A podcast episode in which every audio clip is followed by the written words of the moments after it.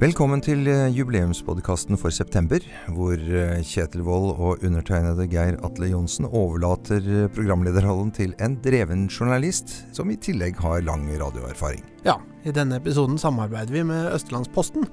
Det er redaktør Eirik Haugen som setter seg i programlederstolen.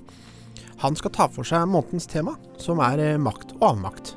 Og da passer det jo fint at vi får besøk av to stortingspolitikere. Lene Westgård Halle fra Høyre og Truls Vassvik fra Arbeiderpartiet. Ja, og dessuten møter vi fylkesleder i Vestfold og Telemark Natur og Ungdom, Maja Angeltveit, og ildsjel Dag Torstensen. Men aller først så skal vi være flue på veggen hos et lokalt politikerpar som representerer to forskjellige partier.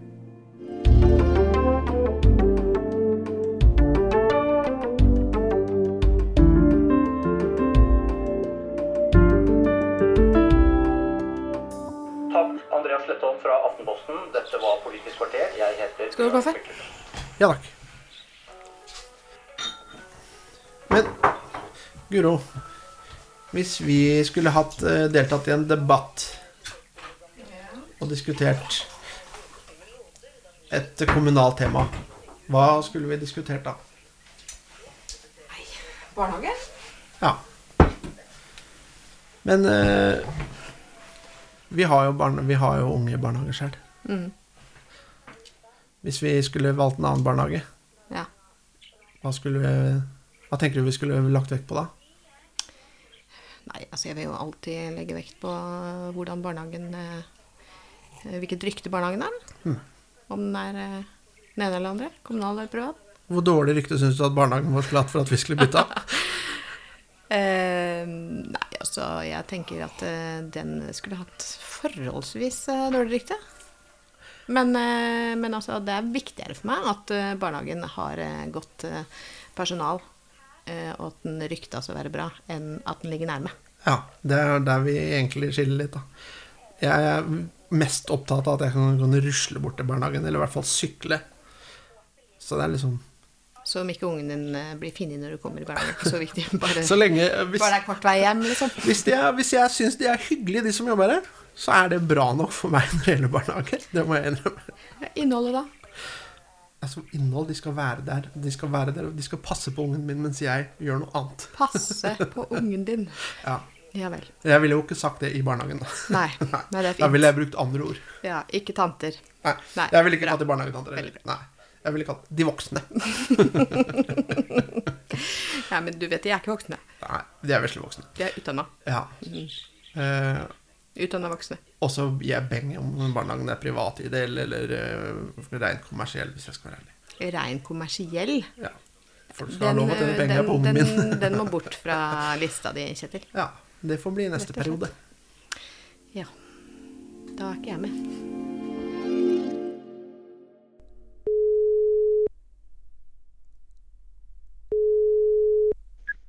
Hallo. Hei, Eirik Haugen i Østlandsposten som ringer. Hallo. Ja, dette er Maja. Hei, så fint. Det er noen som har markert engasjementet sitt for miljøet i flere år allerede. Eh, og en av de vi har hørt om, er eh, Maja Angeltveit, som var med på å arrangere historiens største ungdomsdemonstrasjon i Norge, og som ble fylkesleder i Vestfold og Telemark Natur og Ungdom. Maja, var det miljøsaken som var den store grunnen til at du valgte å engasjere deg og liksom stå skikkelig på, på barrikadene? Ja, det var det. Jeg har en eh, storesøster som fikk meg med i Natur og Ungdom først. Og uh, i starten var jeg veldig redd for klimakrisen og miljøkrisen og ville ikke tenke noe på det. Og ville egentlig bare holde meg så langt unna det som mulig og ikke tenke noe på det. Eh, så i starten nekta jeg faktisk å være med på møter, fordi jeg ville ikke forholde meg til det, for jeg var redd. men etter et, par, etter et par møter og etter å ha vært med på sommerleir og litt sånn, så fant jeg ut at når man jobber med ting, og når man engasjerer seg i ting, så blir det ikke så skummelt. Fordi da gjør man noe for å fikse det, og man kjemper kampen. Og det tror jeg er utrolig viktig for fordi, spesielt for meg, da, som var ganske redd, eh, å liksom vite at man gjør noe. Og når man også er blant veldig mange andre unge som kanskje har litt samme tankegang som deg, da, og som også er redde for klima og miljø, men som fortsatt har lyst til å gjøre noe med det, så tror jeg det gjør veldig mye for den redselen. Så det var eh, inngangsporten min da til å være politisk engasjert. Føler du i dag at du blir hørt, og, og at du faktisk kan gjøre en forskjell ved å være så engasjert som du er? Ja, det føler jeg. Ehm, det er jo ikke alle saker som går igjennom. Men det er jo sånn at alle som noensinne har gjort en forskjell, har vært helt vanlige folk som bare ikke gir opp. F.eks. Greta Thunberg, da, som starta skolestreikene.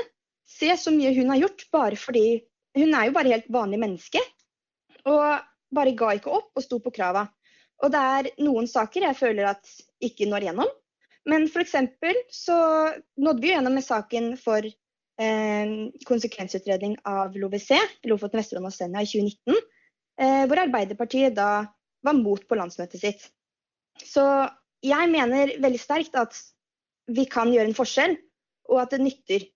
Jeg ser det om og om igjen, og selv om det ikke funker hver gang, så veit jeg at vi kan gjøre en forskjell. Føler du at eh, skal vi si, godt etablerte f.eks. politikere da, som er litt eldre enn deg, behandler de deg med respekt, eller opplever du også at man kan se litt sånn nedlatende ned på et engasjement eller argumentasjonen som kommer? Det er eh, litt begge deler. Eh, men jeg føler at generelt sett så er det greit. Jeg føler mange politikere behandler unge engasjerte med respekt. Og selv om man ikke alltid er helt enig, så mener jeg fortsatt at det er veldig viktig at man eh, syns det er fint at folk engasjerer seg og kjemper for det man tror på. Men jeg har også opplevd flere ganger, og kjenner mange som har opplevd eh, mye dumt fra politikerne. Og at politikerne eh, sier at eh, siden du er ung, så kan du ingenting. Og siden du er ung, så har du ingenting å si. Og siden du er ung, så har ikke du noe, nok livserfaring da, til å mene noe om denne saken. Vi er eldre, og vi er smartere bare derfor. Og det er en sånn herseteknikk som jeg ikke står for i det hele tatt, og opplevd mange ganger. Og um, det er Ja, som sagt så er det litt av begge deler, da. Det er også flere politikere som oppsøker Natur og Ungdom og andre klimaengasjerte og ungdomsengasjerte og sier stå på, dette her er bra og vi støtter dere. Vi skulle gjerne hatt deg i Larvik i dag for å gjøre opptak til podkast, men det er en grunn til at du er med på telefonen. Det er fordi du nå eh, går på folkehøyskole på Bømlo på linja som heter miljø og bærekraft. Det vil jo si at det engasjementet du har starta, det fortsetter du i det videre utdanningsløpet ditt nå? Ja, det stemmer. Eh, nå er jo ikke jeg helt sikker på hva jeg har lyst til å drive med videre i livet eller etter folkeskolen, eh, i forhold til hva jeg vil studere. Men jeg veit at jeg har lyst til å gjøre en forskjell. Og jeg har lyst til å gjøre en jobb hvor jeg føler at eh, jeg kan virkelig gjøre en forskjell for, for, verden. Det tror jeg er veldig viktig for meg. Eh, men det stemmer. Nå går jeg på miljø og bærekraft på Bømlo folkeskole. Eh, og det er både for å få eh, litt sånn nye venner, god stemning, ikke sant. Men også for å lære mer og videreutvikle mitt engasjement. Fordi nå har jo jeg hatt veldig denne eh, natur- og ungdom-vinklingen på klima- og miljøbevegelsen de siste par åra. Og jeg tror det kunne vært veldig smart å se ting fra en litt annen vinkel, da, med litt andre folk som kanskje ikke har vært med i Natur og Ungdom, og ikke den delen av klimaengasjementet. Kunne du tenke deg etter hvert, tror du, å Eh, skal vi si, gå enda lenger når det gjelder å påvirke, f.eks. gå for en karriere i politikk, bli stortingspolitiker, eller gjøre noe annet som gjør at man kan være med å bestemme eller få en innflytelse? Jeg har lyst til å gjøre en forskjell, det veit jeg 100 Men jeg er ikke sikker på om jeg har lyst til å liksom hva spesifikt jeg har lyst til å gjøre. Så jeg er liksom ikke fremmed for ideen, men jeg vil heller ikke si for sikkert at det er det jeg skal, og sette det i stein, da. Men eh, jeg vet at jeg har lyst til å fortsette med noe, og jeg vet at jeg kan ha en påvirkningskraft, da. Jeg må spørre deg om en ting til slutt. Altså, eh, da det ble arrangert klimastreik på torget i mars 2019 i Larvik, så sto du i front.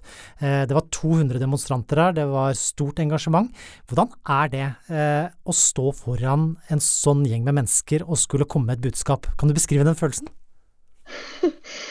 Eh, det var helt surrealistisk. Det var sjukt rart, fordi jeg hadde jobbet med denne saken litt i forkant og forberedt hva jeg skulle si, og tenkt over ting. Men når man står der og ser så mange klima- og miljøengasjerte og bare engasjerte, det er Jeg vet ikke hvordan man skal beskrive det. Jeg var ganske nervøs. Veldig redd. Litt sånn ord. Men jeg var også utrolig glad og bare i eufori, er det et ord? Hvor man over bare å liksom se at dette nytter. Det er mange som engasjerer seg for saken. Og bare i, liksom, i Larvik også, så var det sjukt mange. Det var veldig gøy. Litt skummelt og uh, utrolig spennende. Hvis du skal gi noen råd basert på dine erfaringer til, til, ungdom som ønsker å engasjere seg, som ønsker å kjempe for en sak, hva vil du si til uh, jevnaldrende som, som virkelig brenner for noe, og som har lyst til å utgjøre en forskjell? Jeg vil si ikke gi opp. Eh, og kanskje finn andre som tenker det samme som deg. For meg har det vært Natur og Ungdom. Eh, fordi man, det er veldig viktig med fellesskap. ikke sant? Man motiverer hverandre å stå sammen i det. Og det hjelper så utrolig mye. Eh, men det kan også være veldig mange andre organisasjoner eller vennegrupper eller eh, ungdomspartier. Og jeg tror at det er veldig viktig å ikke, føle at man ikke er alene i denne saken, for det er man ikke uansett. Så stå sammen, kanskje. Og da har man også bedre påvirkningskraft hvis man ønsker å endre noe og gjøre noe. Og så ønsker jeg bare å si eh, ikke gi opp. Det hjelper det dere gjør, selv om man ikke alltid føler det. Dag Torstensen, jeg, jeg lurer først på eh, hvor mange ganger tror du du møter tunnel, eller ordet tunnel, når folk hilser på deg? jeg blir minna på det ganske ofte, faktisk. Så ja, det er veldig hyggelig. Ja. Og det vi snakker om er selvfølgelig tunnel og E18 og en historie der mange mener at du var ganske sentral på å påvirke den beslutningsprosessen som, som blei tatt. Hva var det du frykta skulle skje da, hvis ikke du hadde, og dere hadde kommet med deres alternativer? Jeg tror ikke jeg tenkte så stort den gangen. Jeg, jeg gikk eh, Altså, det var eh, Statens vegvesen som åpna for eh, en, kjøre en åpen prosess, og de skulle ha et første møte i Larvik. Og allerede før det møtet så hadde jeg tatt kontakt da med Vi var jo elleve interesseorganisasjoner, så jeg var jo til og med inne hos folk og ringte på døra, så å si, da. For uh, å høre hva, om, om, vi kunne bli enige om en løsning. Og, og løsninga var jo lang tunnel helt fra Bommestad og til uh, og med Martinåsen. Eh, så viste det seg jo i ettertid at eh, akkurat tunnel forbi Farriseidet blei vanskelig. Sånn at, eh, og det kom av at det ikke var lov lenger med avkjøring inne i tunnelen. Så det var nye regler for det. da.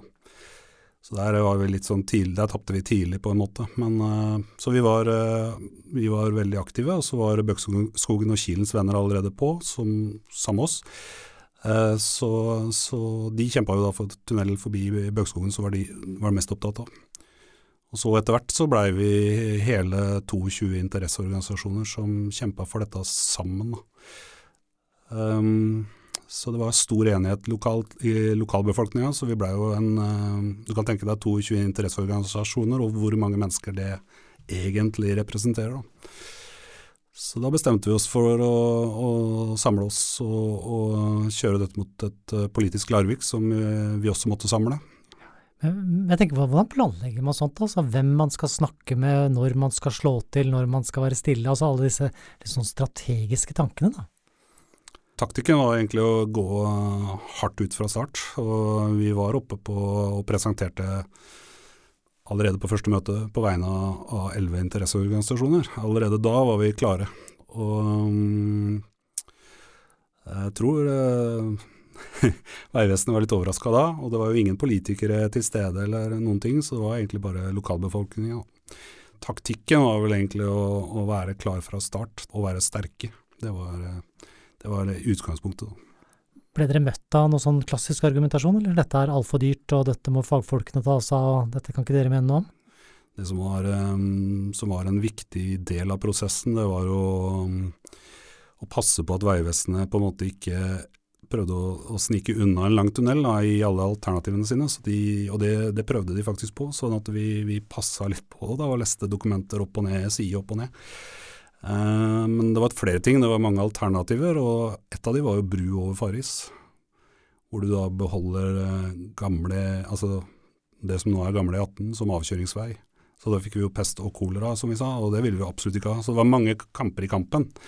Um, og helt på slutten så var det jo istedenfor tunnel opp Vestmarka og Vestmarkaveien, så over Breimyr, så var det jo uh, også snakk om uh, istedenfor tunnel, en høy bru som lå helt oppe i tretoppene. Så vi har vært igjennom en del uh, forskjellige faser, da, helt fra start og, og helt, opp, helt, til slutt, egentlig. Man må jo ha litt standhaftighet her òg. Det, det må jo være når du sitter en søndag og blar i papirer, og det finnes kanskje familie som har lyst til å ha deg med et eller annet sted, så må man jo ha en tro og en standhaftighet på at dette er viktig. Det starta jo i mai 2005, og, og det var eh, flere ganger at Vegvesenet lurte på når skal dere gi dere. Og det motiverte oss, ikke sant, fordi at eh, vi gir oss aldri, sa vi da. Og, um, ja, så, det, så det var eh, en tålmodighetsprøve, det var det. Men det var også veldig lærerikt og veldig interessant. Så det ga noe. da. Du, Vi snakker jo om, også i denne podkasten, hvordan man kan påvirke. Hvordan borgere kan påvirke, og hvordan man kan, kan, bli en del av en beslutningsprosess. Eh, og Jeg vet jo at dere ble jo litt, skal vi si, ettertid også evaluert av eh, etater på hva dere gjorde som var så spesielt. da. Eh, og Du nevnte jo før vi starta dette opptaket at det var noen historier i ettertid hvor dere fikk noen tilbakemeldinger. Og hva gikk de tilbakemeldingene ut på? En av de som, som var veldig viktig, og som nok påvirka mye, det var jo eh, at departementene da skulle komme ned på befaring for å se på traseen og det snappa jo vi opp, selvfølgelig. Og, og um, jeg ringte til daværende ordfører Øyvind Risse Jensen og spurte om jeg kunne få være med i, et, uh, i det møtet. Uh, så sa han ja, det kan du være med på, men dere har ikke noe talerett. Uh, dere får bare være tilhørere. Og Så starta jo møtet, og det foregikk sånn og sånn. Og så fikk jeg lov å presentere meg, og det var det, egentlig. Men så gikk vi jo inn i bussen eh, som da skulle være rundt på befaringa, så sier Øyvind Riise Jensen du som er kjentmann, kan ikke du ta guidinga? Og da var jeg ikke vond å be, for å si det sånn, så da fikk jeg ordet, og da holdt jeg jo på ganske lenge. og det er egentlig ikke hele poenget med historien, men det var jo på en måte Vegvesenet var ganske sure etterpå, eh, når vi gikk ut av bussen. Men, men, hele poenget var egentlig at det her hadde vi forberedt. Så jeg hadde ringt eh, i forkant opp til Bente Seierstad i Trollsteinen barnehage. Fordi jeg visste at de skulle opp der, for det måtte de. Og uh, der hadde hun mobilisert, da. Så der var barnehagen full av bannere. Og barna gikk i demonstrasjonstog. Og sang en sang basert på Jahn Teigens 'Optimist'. da. Og på de plakatene så sto det at uh, vi vil ha kos, ikke eksos. Og det, da sto altså Samferdselsdepartementet og Kulturdepartementet og alle de som var involvert, og hørte og så på det her. Så det var en av historiene som på en måte vi har blitt minna på etterkant, da, at det hadde veldig stor effekt. Og så var det vel eh, en ting vi også har blitt minna på, det var at um, på et av disse folkemøtene så hadde, hadde jeg Ja, i gamle dager så hadde vi jo kassettspillere, så, så jeg hadde satt en kassettspiller til opptak helt innpå veiskuldra på E18 og tok opp eh, støy fra veien. Og det satte jeg på i ett minutt i et sånt folkemøte. og da var jo I ettertid så har de sagt at eh, å vente ett minutt og høre på den støyen, det var på en måte veldig effektfullt. så det var eh, det er liksom de to tinga som kanskje har blitt minna mest på, da, som har vært veldig sånn effektfullt. Da. Du snakker jo noen ganger om at det var en spennende avslutning på det hele. Hva legger du i det? På eh, E18 så var det det fordi at uh, Statens vegvesen var ikke enig med Larvik kommune om uh, løsningen. De ville ikke ha lang tunnel, og det ville jo Larvik kommune. Så fylkesmannen var inne og megla. Og så gikk det jo til departementene, da. Og der var det jo en lang tålmodighetsprøve. Det var to år faktisk det tok før de bestemte seg. Og det visste man aldri når de kom til å bestemme seg, men eh, vi hadde heldigvis folk fra Larvik inne. Da. Vi hadde Sonja Mant, som eh, vi brukte som lobbyist. Så for å gjøre en eh, lang historie kort, da, så drev vi med mye lobby. Og Sonja Mant fikk liksom nyss om et møte og tenkte at nå er det på tide å dra inn. Så da ringte jeg til Arbeiderpartiet og Senterpartiet og SV, for det var rød-grønn regjering da. Og da reiste de, satsa på toget og reiste inn til departementet og fikk eh, et møte. Og i det møtet så kommer eh, Magnhild eh, Meltveit Kleppa inn, og så sånn for å si, si, det kort, så sa er det virkelig sånn at eh, Larvik og Vestfold vil ha lang tunnel? Ja, så får det kanskje bli sånn, da, sa hun. Så, så det, det ble faktisk avgjort i det møtet. da. Hun kom rett, rett og slett inn og sa at da gjør vi det. Så den nyheten fikk jo jeg på jobben, og da jeg fikk den telefonen, så husker jeg knela ned. Jeg gikk ned på knærne. Det var eh, faktisk så stort. så jeg trodde ikke det var sant. Men det, det var veldig moro. Så. Jeg må spørre deg, hvis det er sånn at det sitter eh, folk og har et engasjement for en sak de mener er viktig, og gjerne vil påvirke så godt de kan, har du noen råd til hvordan man skal gå fram, og hvordan man bør tenke? Ja, absolutt. Det er um, viktig å være mange, altså samle flere som er engasjert i prosjektet, eller det du ønsker å få til. Og så er det viktig å uh, være saklig og, og ha etterrettelig informasjon, da, sånn at man, uh, det man kommer med er, er fornuftig. Og så er det måter å påvirke politikere på. Hvis man skal helt inn til departementet, så er man jo avhengig av at lokale politikere hjelper deg, på en måte inn til fylket, og så må fylket inn til departementet. Men det går an å ringe direkte inn også. Men vi har jo klart å få til kontakt her, men det er på en måte, det er på en måte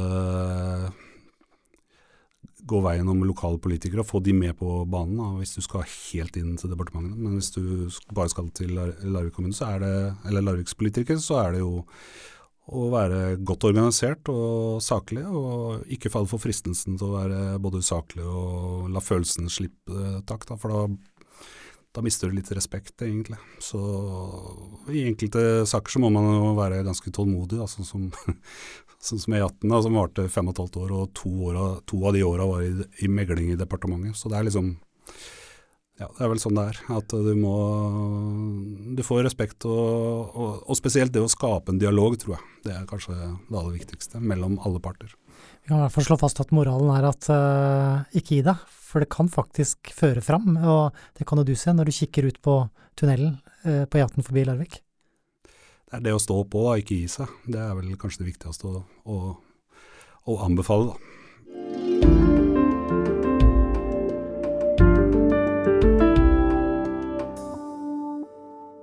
Nå har vi altså møtt og hørt uh, unge folk, folk som er entusiastiske, som står på, som har troa på hva de holder på med.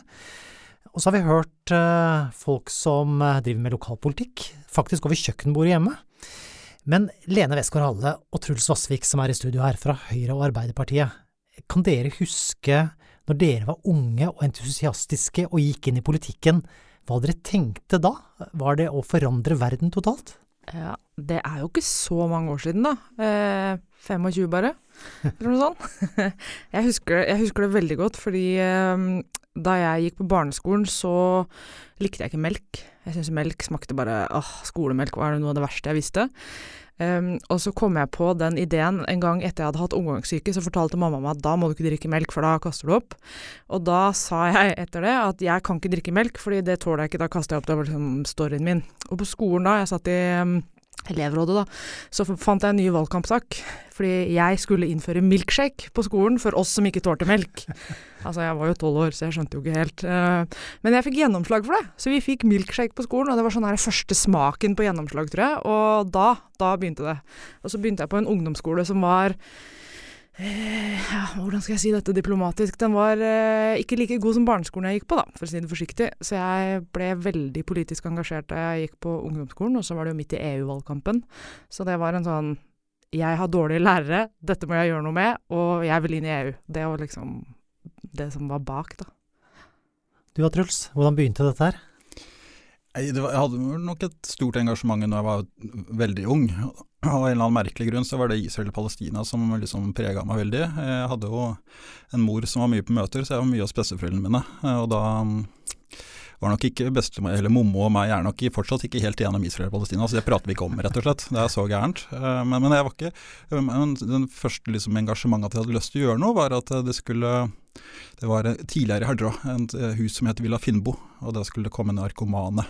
Og det var jo da folkemøtet i Larvik, eller i Hardra, at denne styggskapen her måtte vi stoppe. Og jeg reagerte så på liksom hvordan voksne, jeg tror jeg var 15 eller noe, hvordan voksne mennesker kunne prate om andre mennesker.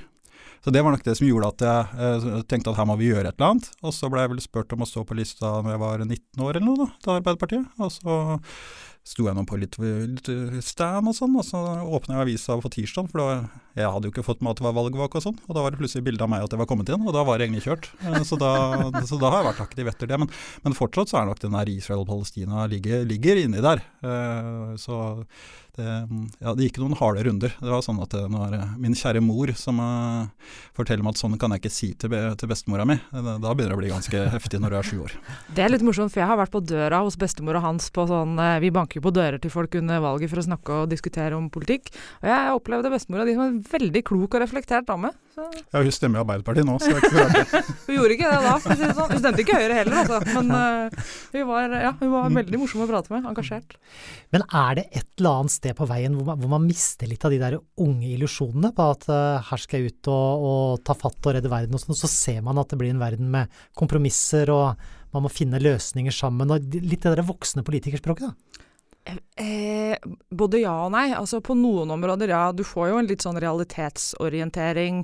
Jeg husker jo mitt første nominasjonsmøte. Det var en hard realitetsorientering. Jeg altså ble folkevalgt tidlig eh, i kommunestyret. Men jeg føler egentlig at det engasjementet og den idealismen fortsatt er der. Da. Altså, når jeg går inn døra om morgenen på Stortinget, så er det Det er jo for, for å forandre verden. Det ligger liksom i bånn ennå. Og jeg har egentlig blitt positivt overraska over hvor mye du kan få endra, hvor mye du klarer å påvirke på Stortinget. Eh, jeg tror Jeg hadde sånt bilde av at ja, når du kommer inn der, så er du liksom du er ung, og du er ny, og folk vet ikke hvem du er, og du, du, blir, du blir liksom satt nederst på bordet. Men jeg opplever ikke det. Jeg opplever at du har gjennomslag, og at du kan forandre ganske mye. Så jeg, jeg syns det har vært morsomt å se Det er sånne småting som kanskje er viktig for meg, og som ikke er så viktig for andre. Og så er det noen andre ting som er større, som tar litt lengre tid. Men, men den idealismen tror jeg er hos ja, ikke alle stortingsrepresentanter. Halvparten, kanskje? Fortsatt. Halvparten? Nei, jeg vil anslå det.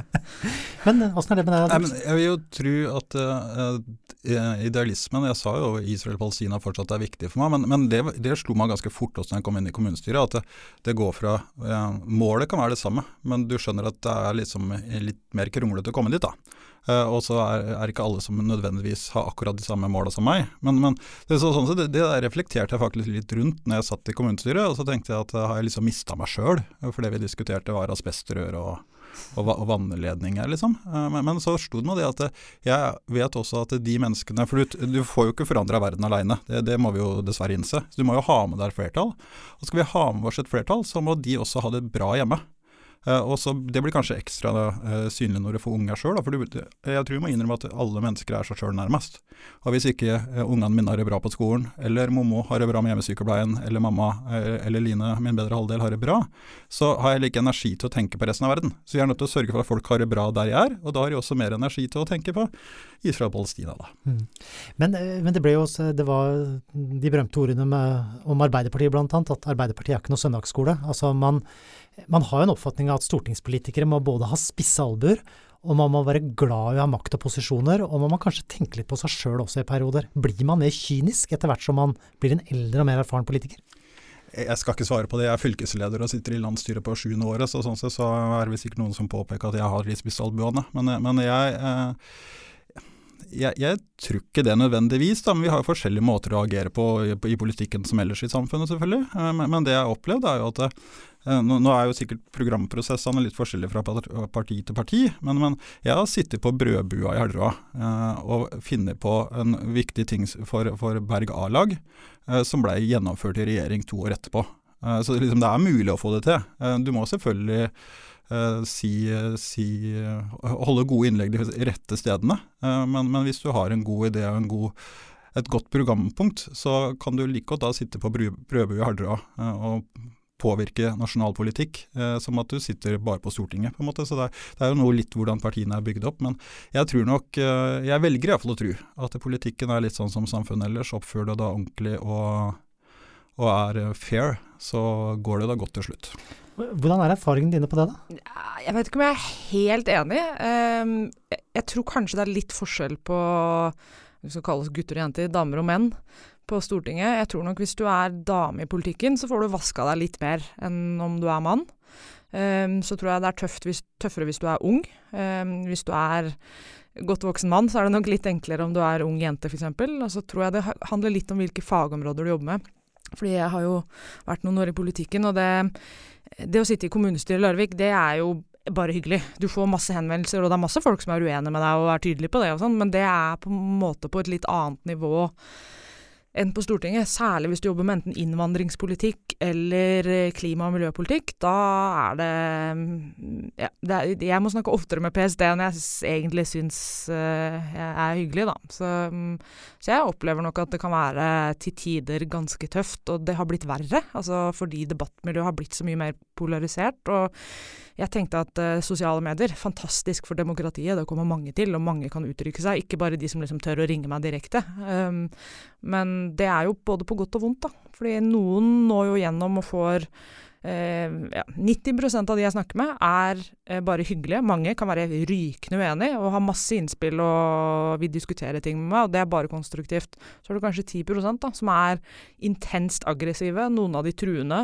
um, og har en eller annen sånn konspirasjonsteoretisk tilnærming til det meste i livet, egentlig. Og det, og det å håndtere det De blir veldig høylytte og tar veldig mye plass, og det ser vi jo i nettaviser, vi ser det på Facebook, og det, det opp opplever jeg som ganske utfordrende i hverdagen. Eh, kanskje enda mer enn det etter jeg fikk barn. Når jeg ikke hadde barn, så var det litt sånn ja, om de truer meg på livet, så er det sånn ja ja. Men når du har unger, så blir det litt eh, det, det, Du drar noen andre inn i den verden, da. Så.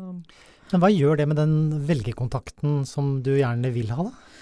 Eh, jeg har ganske mye kontakt med velgerne og er, er veldig åpen på Facebook, da, på godt og vondt. Så jeg, så, men jeg har jo de siste åra begynt å blokkere de som truer og som er konspirasjonsteoretikere og sånn. Så der er det Så jeg har begynt å røkte kommentarfeltene på min egen Facebook hardere enn jeg gjorde tidligere. Fordi jeg ønsker reell diskusjon. Men, eh, men jeg møter jo velgere hele tida. Jeg tipper på en gjennomsnittlig uke på Stortinget så møter jeg kanskje fem-seks stykker inne på kontoret mitt, som helt vanlige folk som spør om å få møte meg for å ta en prat om noe. Eh, og er jo ute hos organisasjoner og bedrifter. Og, så det, jeg tipper kanskje 70-80% av jobben på Stortinget handler om å møte velgere. Og møte bedrifter og møte folk. Veldig mye mer enn enn kanskje det man fremstiller i media. Da. Vi tror at vi bare driver og krangler og har debatter og sånn. Det er en veldig liten del av jobben. Jeg er nok enig med Lene at uh, det er ikke gitt at sosiale medier bare er uh, positivt. Um, hvis en var uenig med Arbeiderpartiet før, så skrev du brev til, uh, til, Gerhardsen, og så gikk det ei uke postgang inn til Oslo, og så skulle de prosessere det, og så kom de tilbake. Da hadde du rekt å angre en del ganger. Uh, nå, nå, er det liksom tolv sekunder, så alt ute på Facebook, og bare. Liksom, folk har mista litt, og det gjelder jo sikkert våre politikere, det, vi har mista det er naturlige filteret. Men Er det her punkt én lurt å si, punkt to er det nødvendig å si. Og, og, og så er det jo selvfølgelig all, i all tid vært uh, Folk er forskjellige på hvordan de uh, legger fram sine saker. Men uh, det blir jo noen ekkokamre også i sosiale medier. jeg tror nok ikke at hvis du for 20 år siden var en konspirasjonsteoretiker, så måtte du jobbe litt mer for å finne medsammensvorne. Mm. Nå er det liksom en klikk unna, og da plutselig får du en, selvfølgelig en boost. Det er mange av meg. Det, de har låvefester og greier nå, har jeg sett. Ja, de som er igjen av de. Ja. Så, så det um, det har, det har skjedd noe der. Uh, men, men det, er jo, det er som Lena også sier, det er jo helt avgjørende for at vi skal ha det demokratiet vi har. At vi mm. faktisk kan treffe folk uten uh, sikkerhetsvakter og uten masse, mm. masse hull om hei. Og det er jo det vi er stolte av med Norge. Så det er viktig at vi tar vare på det. Mm. Og der tenker jeg at partiene internt også har en, en viktig rolle med å ta vare på hverandre. Da. Mm. Uh, Men det, og det er også sånne ting sånn på Stortinget. Jeg tror ikke folk er klar over hvor gode venner vi faktisk er på Stortinget. Altså Noen av de er aller mest politisk uenig med, spiser jeg lunsj sammen eller går ut og tar en øl sammen. Altså, jeg, jeg tror nok at det samholdet i politikken er mye sterkere enn folk egentlig er klar over.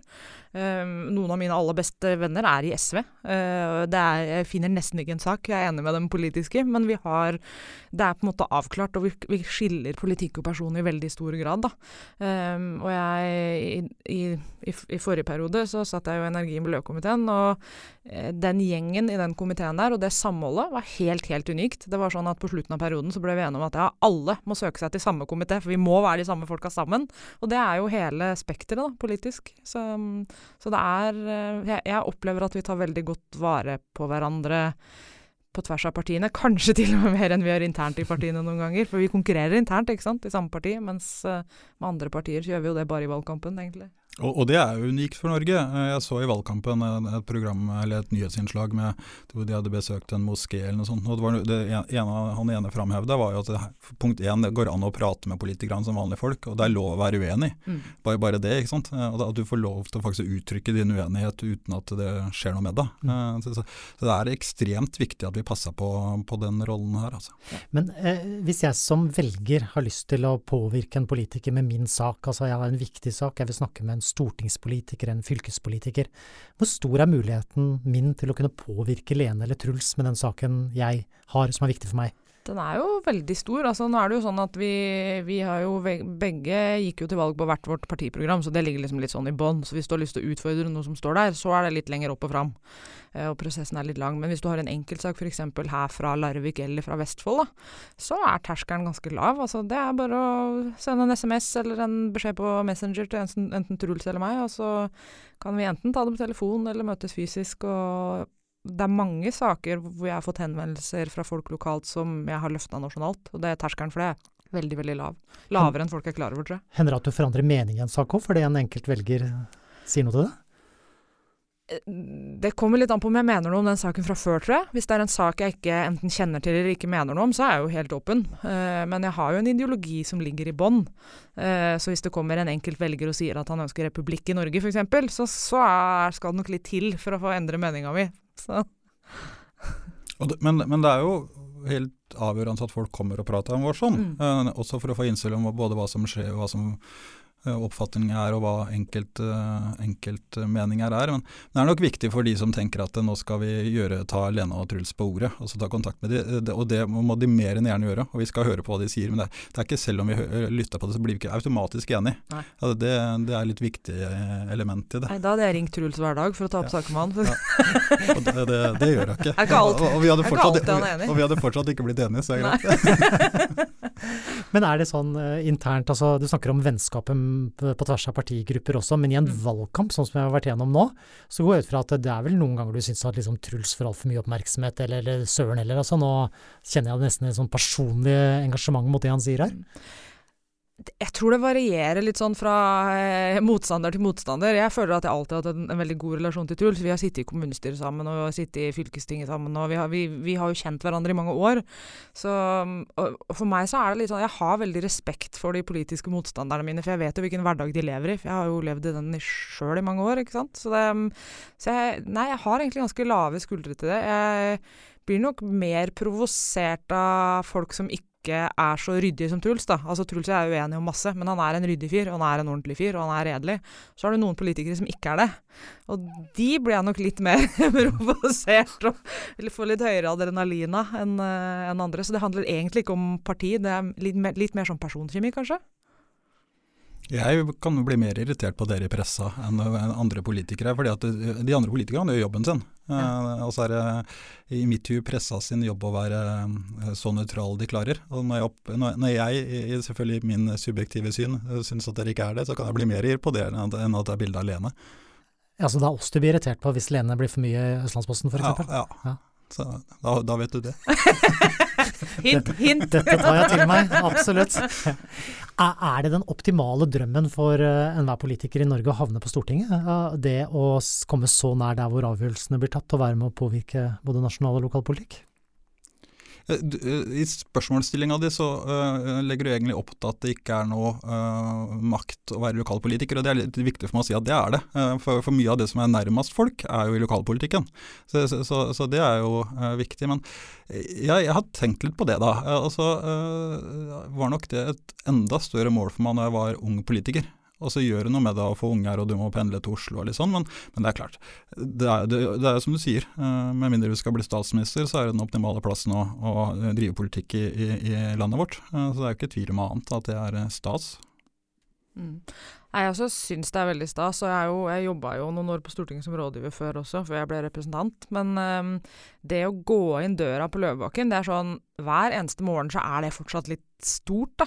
Uh, men jeg er litt enig med Truls i at det var nok kanskje et viktigere mål som yngre. For da var det sånn Det var liksom det O store når jeg var i uh, Ung Høyre. Men jeg er veldig enig med Truls når du blir litt eldre, så er det kanskje ikke liksom det er, det er, mer det politiske da, og innholdet. Det at du faktisk kan påvirke. Selv om det er veldig stas og det er flott å være der og alt det, det så, så, er det det når du innser at hvor mye du faktisk kan påvirke når du sitter der. At du faktisk kan gjøre livet til folk i Norge bedre. da, Og at du har muligheten til å bidra til det. Så, det, så vi, vi, får jo mye kjeft på Stortinget, men det er jo det er en utrolig viktig jobb. Og det er veldig mange stortingspolitikere, uavhengig av parti, som eh, virkelig, virkelig endre livet til folk da, på en god måte. Og det, det, er litt sånn fint. Kan du endre livet til folk på en dårlig måte og en negativ måte? Definitivt. Mm. det er jo derfor vi fighter om uh, hva som er den beste politikken. Så jeg har jo masse meninger om hva som er bra og hva som ikke er bra. Men det, det er jo hele greia med demokratiet. Det er ulike. For å spørre, i, i, i møte med velgere eller vanlige folk, da, det er jo blitt et uttrykk som Arbeiderpartiet nå bruker, men hva er det som gjør mest inntrykk på deg som politiker eh, i menneskemøter? Kommer litt an på møtet. Eh, for det første så opplever jeg at de aller fleste som tar kontakt, er veldig inne i sin egen sak, eller, eller sitt eget felt, og det er kanskje ikke så rart, men, men, men det er litt spenn i det. Og så er det klart, eh, når, når du spør om, om politikerne kan påvirke livet til folk i positiv og negativ retning, så er det jo det er jo ikke Selv om Norge er et av verdens aller beste land å bo i, så er det ikke alle i Norge som har det bra. Uh, og det å få det nær seg, Eh, er, det kan være sterkt innimellom. Eh, og, og, og jeg, mange føler en håpløshet pga. systemer som er rigide eller tungvinte. Eller sånt, og det, jeg, kan, jeg, kan, kjenne på den frustrasjonen innimellom, og forstå den. Eh, og så kan det være gode grunner til at ting er som det er, men, men at, at vanlige folk opplever en papirmølle f.eks. innenfor enkelte temaer. Det, det, er lett å forstå den frustrasjonen. Men, men, men, selv om det er mange som er sinna på politikere, så opplever jeg at de er sinna med bakgrunn av at de, de, de, enten har opplevd noe urettferdig, eller de brenner veldig noe for en sak. Så vi må ta det inn i beregninga, tenker jeg. At det også skaper engasjement. Så, så det er jo det som er, det er gjerne enda flere vanlige folk som prater med oss. For, for det, det, det, er liksom det som gjør at vi politikerne også skjønner hva som skjer på utsida av Stortinget, da. Jeg tror For meg så tror jeg det, det, det handler litt om jeg, si, mitt eget liv. For du, du, relaterer deg jo enklere til noen mennesker enn andre når du møter enkeltvelgere. Jeg har vokst opp med en pappa som er blind. Um, og han er eh, sånn helt hyperaktiv. Hopper fallskjerm og klatrer på Kilimanjaro og er helt rabiat, han. Men, uh, så jeg har jo omgått et miljø med veldig mange funksjonshemmede, så det er sånn veldig veldig weak spot for meg. da, Så når jeg møter noen på Stortinget som ikke kjenner meg overhodet, men som har en eller annen funksjonshemming og som kanskje har det skikkelig vanskelig og har utfordringer i hverdagen, det er sånn åh, Jeg kjenner det nå bare jeg snakker om det. Eh, det er en sånn som, som, for meg treffer skikkelig, skikkelig hardt, da. Um, fordi jeg har vært så mye i det miljøet sjøl. Um, det, og så er det sikkert også fordi jeg har blitt mamma, men alenemammaer som har det vanskelig, det er sånn Jeg veit nesten ikke hva jeg skal gjøre, eller hvordan jeg skal håndtere ting, for jeg vil så gjerne hjelpe, da. Og så er den kjipe delen med å være stortingsrepresentant er at du har ikke lov til å gå, gå inn i enkeltsaker. Altså Du kan gjerne engasjere deg for det i media og sånn, men du, du, får jo ikke tilgang til eh, bakgrunnsinformasjon eller sakspapirer eller sånne ting til en enkelt case. Du må liksom endre systemet. Og når du møter enkeltmennesker, så har du veldig lyst til å hjelpe den enkeltpersonen. Um, og det syns jeg er litt vanskelig noen ganger, å føle at jeg ikke strekker til da, for, for de folka. Eh, du, må spørre dere til, til, slutt. Jeg er litt usikker på hvor ærlig dere har lyst til å være på det, men når man har politiske ambisjoner, er det da det neste naturlige skrittet å tenke liksom statsråd og Nei. Jeg har aldri hatt noen statsrådsambisjoner, og jeg har jo gjennom åtte år nå fulgt ganske tett hvordan de jobber og hvordan livene deres er. Eh, jeg er veldig, veldig fornøyd med å sitte på Stortinget, og har ikke egentlig så veldig lyst på noen telefon. er du helt ærlig nå? Ja, helt, helt, helt, helt, helt uh, Følg en statsråd en dag eller to, skjønner du hva jeg mener. Det er en, det er en skikkelig skikkelig tøff jobb, altså. Så det, så vi, jeg vet, kanskje fordi jeg har blitt mamma, jeg vet ikke. Nei, så hvis det er sånn Heide Erna, kan du bli klima- eller klima- og miljøminister? Så. Ja, akkurat den hadde kanskje vært vanskelig å si nei til. Eh, er det lett å tenke de baner, når man sitter og tenker at eh, ok, eh, lokalpolitikk, fylkespolitikk, Stortinget, naturlig neste er et statsrådkontor? Jeg skal ha noen flere år på beina først, tenkte jeg. Men, eh, men, men nå er det jo god tradisjon i Arbeiderpartiet at når partiet spør om noe, så stiller det opp. Og jeg regner med at hvis, hvis, hvis nå det kommer, og det har jeg ingen ambisjon For punkt én har ingen ambisjon om det, og jeg har heller ikke noe tro på det, så, så tenker jeg jo sånn så at det er jo på grunn av at noen, og det gjelder jo Lene òg, at noen har sett et talent, eller at vi kan brukes til noe. Og at det på en måte, det er jo ikke sånn at de bare har ei liste, og så bare er det pilkast, og så lander det på et eller annet navn. Det er, det er en vurdering bak som, som da andre gjør. Så jeg må nok si at jeg har ikke tenkt i banen engang. Men, men hvis nå den telefonen kommer, så må vi jo ta en ordentlig runde på det. Men, men, men det er vel mest i at er, vi sier at det er stas på Stortinget. Det er klart hvis Erna eller Jonas ringer og sier at vi syns dere er så superflinke at det hadde vært det er, Vi skal ikke legge skjul på at det hadde vært stas, det òg. Vi er ikke større mennesker enn det. Og det er nok tatt en runde på hjemmebane først, ja. Er, hvis Erna, Erna, hadde ringt, ja. ja, ikke, ja. ja nei, da hadde jeg i hvert fall tatt ei runde på hjemmebane. Men det er jo som Lene sier, at det er jo ikke En prater om åtte til fire-jobb. Det å være statsråd er iallfall ikke en åtte til fire-jobb. Så, så det, det, er jo et familieforetak langt på vei. Du, du, må jo på en måte du, du, må ha backing hjemme, så all honnør til de som sitter hjemme. Og det gjelder også lokalpolitikerne, for det er vel ingen som er mindre hjemme enn lokalpolitikere. De er jo ofte på jobb hele dagen og så er på møter hele kvelden. Så, så all honnør til de som sitter hjemme. Ja. Jeg tenkte kanskje å runde av her, altså å være Skal jeg si da på vegne av alle velgerne, alle som er i Larvik, dere er jo Larvik-representanter, så syns vi jo det er stas eh, med larviksfolk som havner på Stortinget. Og så er det jo et eller annet med at dere tar på dere en rolle på vegne av oss alle, og det syns jeg kanskje dere skal tenke på noen ganger når det stormer som verst. At vi andre er litt takknemlige for at dere gidder, faktisk. Uansett hvilket parti man støtter eller ikke støtter. Takk, Takk for at dere kom, begge to. Takk skal du ha. Takk. Og stor takk til redaktør Eirik Haugen i Østlandsposten, som hadde ansvaret for denne episoden, og gjestene, som i kronologisk rekkefølge var Maja Angeltveit, fylkesleder i Vestfold og Telemark Natur og Ungdom, ildsjel Dag Torstensen, og stortingspolitikerne Lene Westgård Halle og Truls Vassvik fra henholdsvis Høyre og Arbeiderpartiet. Lokalpolitikerparet på kjøkkenet var Guro Kolberg fra Arbeiderpartiet og meg, Kjetil Wold fra Høyre. Ansvarlig for lyden er deg, Geir Atle Johnsen. Følg oss gjerne på Facebook, Larvikspodden Ropert eller Vi350. Du finner også Larvikspodden på Spotify og der du laster ned podkast. Ansvarlig for podkasten er Foreningen Ropert og produsent Virvel AS.